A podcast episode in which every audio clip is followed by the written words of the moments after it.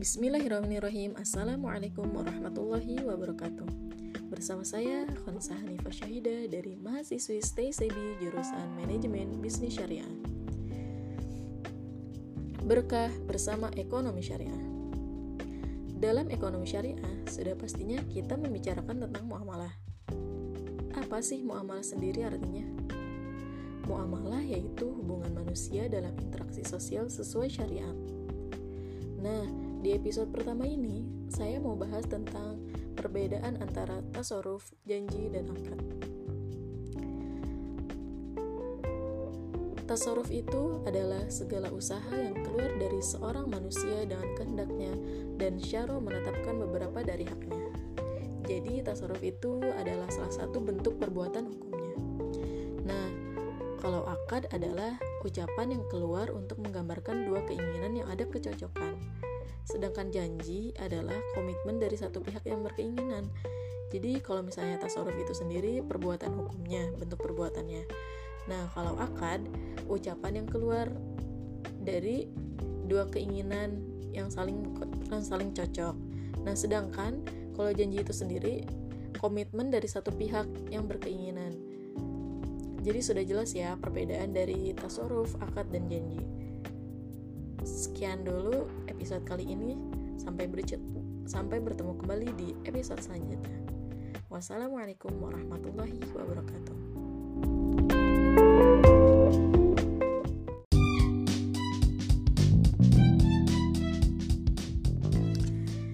Bismillahirrahmanirrahim Assalamualaikum warahmatullahi wabarakatuh bertemu kembali bersama saya Khonsa Hanifah Syahidah masih dalam episode berkah bersama ekonomi syariah.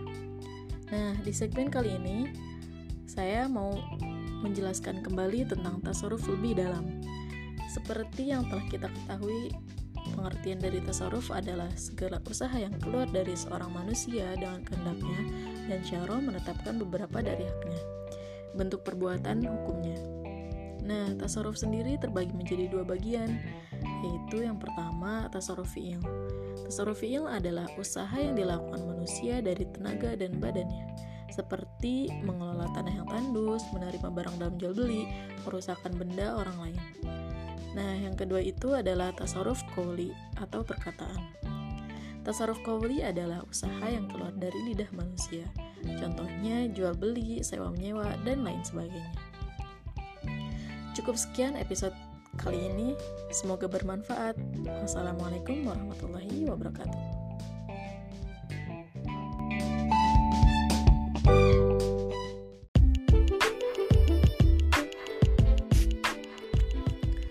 Bismillahirrahmanirrahim Assalamualaikum warahmatullahi wabarakatuh Kembali lagi bersama saya Khansa Hanifah Syahidah Di episode Berkah bersama Ekonomi Syariah Nah, di segmen kali ini saya akan membahas tentang tasarruf koli. Nah, tasarruf koli ini ternyata terbagi menjadi dua bagian. Yang pertama itu adalah tasarruf koli akdi, di mana tasarruf koli akdi adalah sesuatu yang dibentuk dari dua ucapan dua pihak yang saling bertalian, yaitu dalam ucapan ijab dan kabul. Nah, saat terbentuk ijab dan kabul ini dilakukan para pihak ini disebut dengan akad yang kemudian akan melahirkan suatu perikatan di antara mereka. Misalnya jual beli dan sewa menyewa. Nah, yang kedua itu adalah tasarruf qawli ghairu akdi, yaitu perkataan yang tidak bersifat akad atau tidak ada ijab dan kabul. Perkataan ini ada yang berupa pernyataan dan ada yang berupa perwujudan. Misalnya ikrar wakaf, ikrar talak, dan pemberian hibah. Jadi kalau tasarruf qawli akdi itu dia adanya ucapan dari dua belah pihak yang akhirnya menghasilkan ijab dan kabul. Nah, sedangkan tasarruf qawli wairu akdi, mereka tidak adanya ijab dan kabul, tetapi mereka menggunakan pernyataan dan ada yang berupa perwujudan. Sudah jelas dong, qawli akdi dan qawli wairu itu beda sekali, tapi mereka sama-sama mereka sama-sama adanya perkataan di dalamnya. Cukup sekian dari saya ya, cukup sekian dari saya. Mohon maaf bila ada salah kata. Wassalamualaikum warahmatullahi wabarakatuh.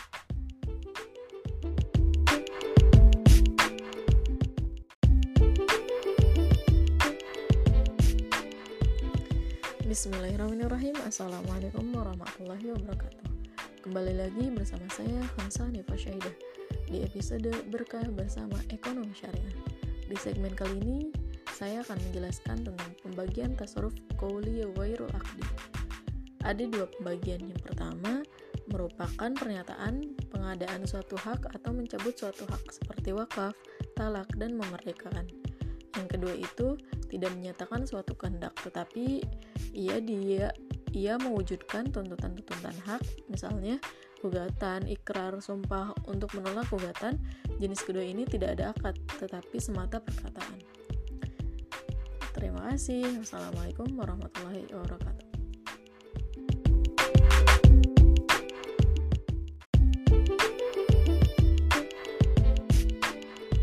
Bismillahirrahmanirrahim Assalamualaikum warahmatullahi wabarakatuh Kembali lagi bersama saya Kansani Fasaida di episode Berkah Bersama Ekonomi Syariah Di segmen kali ini Aku akan membahas tentang bagaimana hukum janji dalam transaksi muamalah hukum janji dalam transaksi muamalah ini Ulama berbeda pendapat mengenai hukum janji tersebut Nah, hukum janji dilatar belakangi mengenai mengikat atau tidak mengikat dalam sebuah transaksi. Dalam tataran implementasinya, terdapat beberapa fatwa DSN MUI yang menyinggung mengenai konsep waat atau janji itu. Nah, perbedaan tersebut secara garis besar dibagi menjadi tiga pendapat ulama, yaitu yang pertama mayoritas fukaha berpendapat hukumnya dalam mustahab, yang kedua sebagian fukaha yang lain seperti Ibnu Syubrumah berpendapat hukumnya wajib secara mutlak. Dan yang ketiga, sebagian fuqaha Malikiyah seperti Sahnun berpendapat hukumnya wajib mutlak. Cukup sekian dari saya. Wassalamualaikum warahmatullahi wabarakatuh.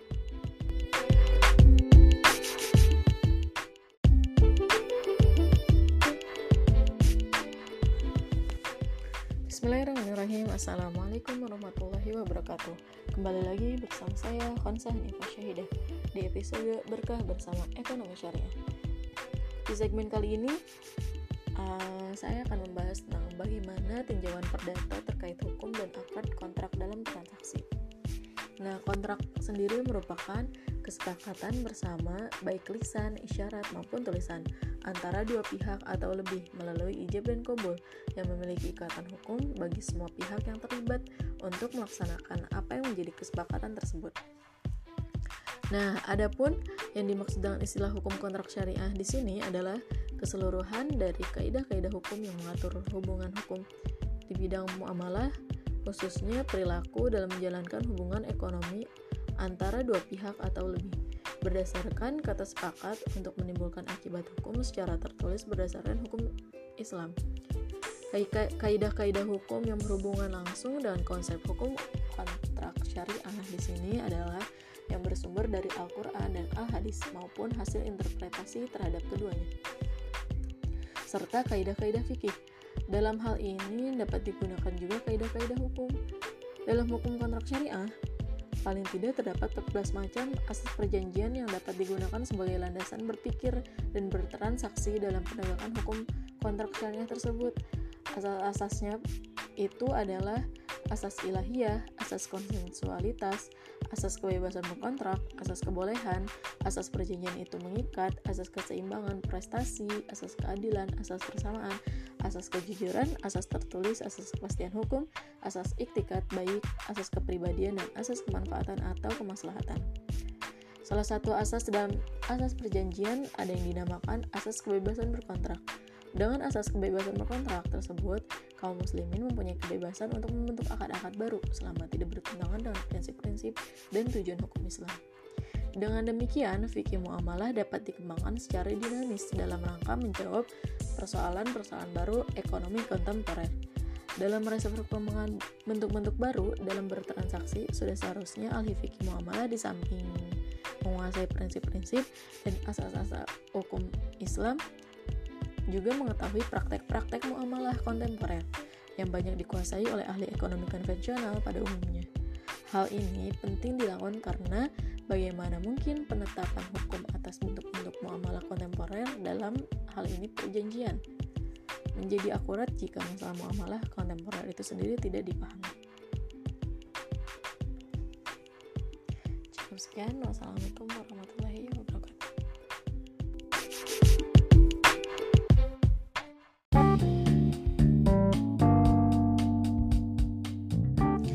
Bismillahirrahmanirrahim Assalamualaikum warahmatullahi wabarakatuh Kembali lagi bersama saya Khonsa Hanifah Syaidah di episode Berkah Bersama Ekonomi Syariah. Di segmen kali ini, saya akan ngebahas tentang ketentuan antara wa'ad dan mu'adah. Wa'ad hanya mengikat satu pihak, yakni pihak yang memberi janji berkewajiban untuk memenuhi atau melaksanakan kewajibannya. Sedangkan pihak yang diberi janji tidak memikul kewajiban apa-apa terhadap pihak lainnya. Dan mu'adah atau saling berjanji dapat diartikan satu pihak berjanji akan melakukan sesuatu pada masa yang akan datang dan pihak yang menerima janji juga berjanji untuk melakukan perbuatan hukum yang setara. Jawab sekian dari saya. Mohon maaf bila ada kata-kata yang salah. Wassalamualaikum warahmatullahi wabarakatuh.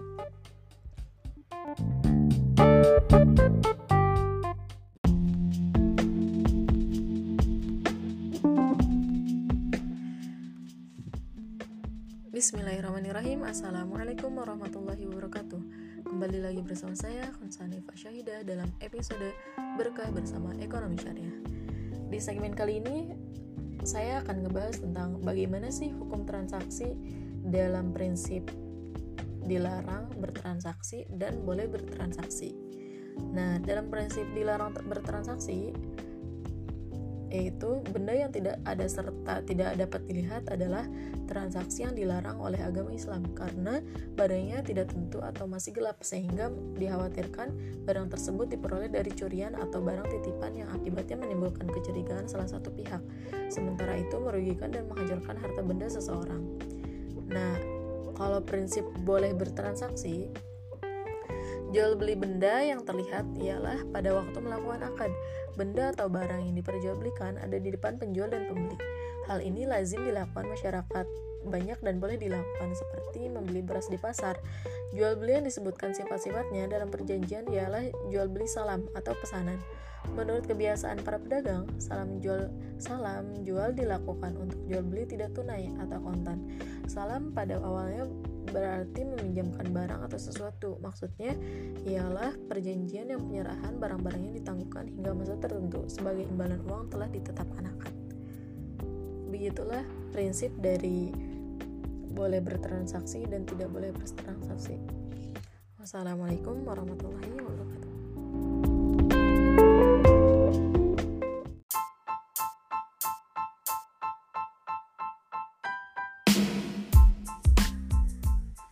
Bismillahirrahmanirrahim. Assalamualaikum warahmatullahi wabarakatuh. Kembali lagi bersama saya Khansani Fasyaidah di episode Berkah Bersama Ekonomi Syariah. Di segmen kali ini saya akan ngebahas tentang contoh penerapan janji dalam bisnis dan keuangan menurut fatwa. Nah contoh penerapan itu ketika suatu bank mengadakan akad bersama nasabahnya Nah, di awal akad itu biasanya ada tanda tangan tentang ketentuan ini agar anggota nasabah berjanji untuk menjalankannya. Akan tetapi biasanya tidak ditepati ketika ketentuan-ketentuan tersebut disepakati dan pihak kedua nasabah berjanji untuk menepatinya. Dalam kenyataannya di riwayat angsuran pembiayaannya tidak sesuai janji di awal akad. Hal ini biasanya dikarenakan adanya penyalahgunaan tujuan yang tidak sesuai pengajuan pembiayaan di awal ketika disurvei dan direkomendasikan. Seharusnya dalam pembiayaan multijasa proses harus jelas rincian kegunaan dana yang akan diajukan di lembaga keuangan. Selain itu, setelah pencairan seharusnya ada cross check nota atau kwitansi, bukti pembayaran sebagai upaya kesesuaian penggunaan dana yang sebelumnya telah disepakati bersama oleh nasabah dan lembaga keuangan tersebut bahwa janji sering digunakan dalam transaksi keuangan dan bisnis yang bersifat tunggal, paralel, dan dalam transaksi yang multi akad. Industri keuangan syariah dan masyarakat memerlukan kejelasan hukum syariah untuk menjamin kepastian hukum sebagai landasan operasional mengenai hukum menunaikan janji dalam transaksi keuangan dan bisnis syariah. Berdasarkan fatwa Dewan Syariah Nasional MUI nomor 85 DSN MUI 2012 tentang janji dalam transaksi keuangan dan bisnis syariah bahwa janji sering digunakan dalam transaksi keuangan dan bisnis yang bersifat tunggal paralel dalam transaksi multi akad. Cukup sekian pemaparan contoh penerapan janji dalam bisnis dan keuangan menurut fatwa. Mohon maaf bila ada salah kata. Wassalamualaikum warahmatullahi wabarakatuh.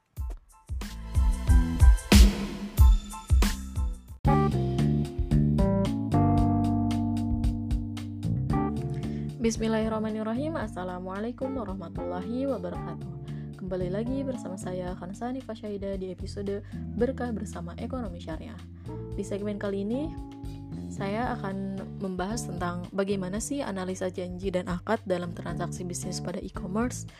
Nah, pasti di era sekarang ini udah nggak asing loh tentang e-commerce ini sendiri Nah, e-commerce itu sebagai kegiatan-kegiatan bisnis yang menyangkut konsumen, manufaktur, service providence, dan pedagang perantara dengan menggunakan jaringan-jaringan komputer, yaitu internet. Karakteristik e-commerce sendiri antara lain terjadinya transaksi antar dua belah pihak, adanya tukar menukar barang, jasa, atau informasi, inter dan internet merupakan medium utama dalam proses atau mekanisme perdagangan tersebut. Nah, cara standar bisnis e-commerce itu meliputi yang pertama ada find it. Nah, find it ini pembeli bisa mengetahui dengan pasti dan mudah jenis barang apa yang diinginkan. Ada beberapa metode yang dapat dilakukan yaitu dengan metode search dan browse. Nah, yang kedua itu adalah explore it. Setelah memilih jenis barang tertentu yang diinginkan, maka akan dijumpai keterangan lebih jelas mengenai barang yang dipilih itu antara lain terdiri dari informasi penting tentang produk tersebut, nilai rating barang itu yang diperoleh dari pool otomatis, tentang barang itu yang diisi oleh para pembeli sebelumnya. Apakah barang tersebut baik, cukup baik, atau bahkan mengecewakan? Kemudian ada spesifikasi dari produknya dan menu-menu produk lain yang berhubungan.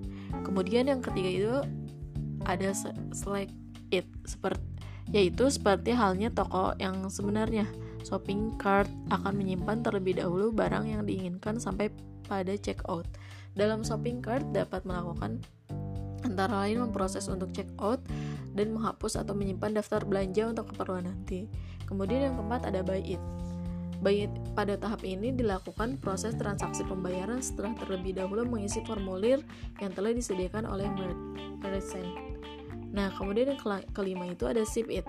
Setelah proses transaksi selesai, pihak merchant akan mengirimkan email konfirmasi pembelian dan email lain yang akan memberikan pengiriman barang telah dilakukan. Nah, contoh ijab adalah pernyataan seorang penjual, saya telah menjual barang ini kepadamu atau saya serahkan barang ini kepadamu. Nah, contoh kobulnya itu saya beli barangmu. Nah, kalau untuk e-commerce sendiri, tahap ini dinamakan select it di mana uh, tokoh yang sebenarnya shopping cart akan menyimpan terlebih dahulu barang yang diinginkan sampai pada checkout. Dalam shopping cart dapat melakukan antara lain memproses untuk checkout dan menghapus atau menyimpan daftar belanja untuk keperluan nanti.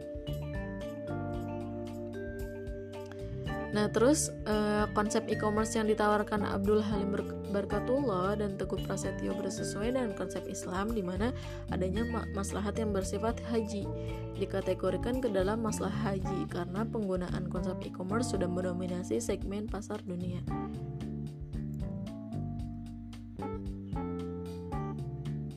Begitulah gambaran dari uh, janji dan akad dalam transaksi bisnis pada e-commerce. Uh, semoga bermanfaat. Terima kasih. Wassalamualaikum warahmatullahi wabarakatuh.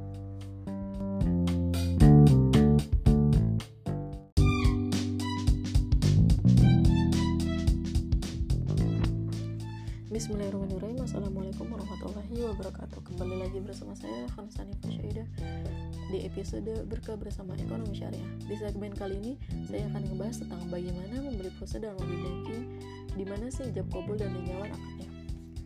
Nah, sinkron antara ijab dan kabul harus cocok dan sesuai. Jika ijab dengan kabul relevan maka jual sah. Misalnya ketika pembeli memilih pilihan menu pulsa di m-banking harga 100 juta 100 eh, juta rupiah dan pembeli cukup menekan tombol pada gadget OK, saya tuh setuju. Hal ini merupakan ijab kabul.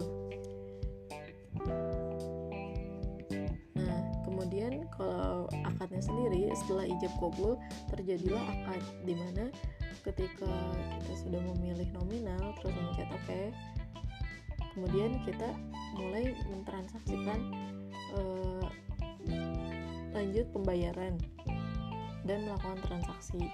Nah, tinggal menunggu apakah sudah masuk atau belum. Misalnya di situ terjadi akadnya. Jadi uh,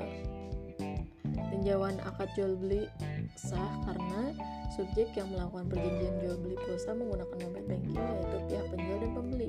Perjanjian jual beli pulsa melalui banking dilakukan dengan adanya kesepakatan atau perjanjian kedua belah pihak di mana tidak ada unsur pemaksaan dan dilaksanakan atas dasar suka sama suka di antara kedua subjek jual beli pulsa.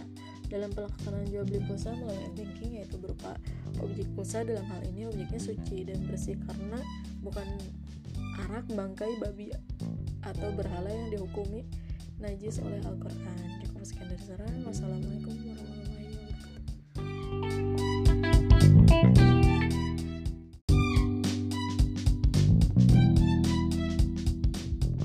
Bismillahirrahmanirrahim. Assalamualaikum warahmatullahi wabarakatuh. Kembali lagi bersama saya Khonsani Fasyahidah Di episode Berkah Bersama Ekonomi Syariah. Di segmen kali ini Saya akan membahas tentang bagaimana analisa rumah makan Prasmanan seperti warteg di mana perhitungan makan dan ada di akhir. Apakah objek jual fikih memenuhi kriteria?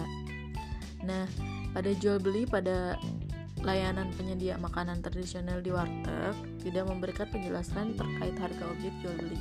Namun tidak lantas mengakibatkan jual beli tersebut menjadi batal karena model jual beli ini sudah menjadi kebiasaan masyarakat atau yang disebut dengan urf yang sulit untuk dihindari dan dihilangkan.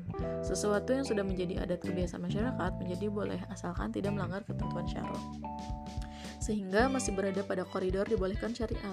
Jual beli dapat dilakukan dengan memberikan kemudahan kepada pihak pembeli dan pihak penjual agar terlaksana sebagaimana kesepakatan seperti adanya itikat baik yang dilakukan kedua belah pihak agar tidak ada pihak yang dirugikan dengan tidak mengandung unsur menjebak dan perbuatan buruk lainnya. Sehingga terkadang ada orang yang menanyakan terlebih dahulu harganya sebelum memilih makanan yang ada di prasmanan itu agar tidak merasa kecewa antar dua belah pihak. Cukup sekian. Wassalamualaikum warahmatullahi wabarakatuh.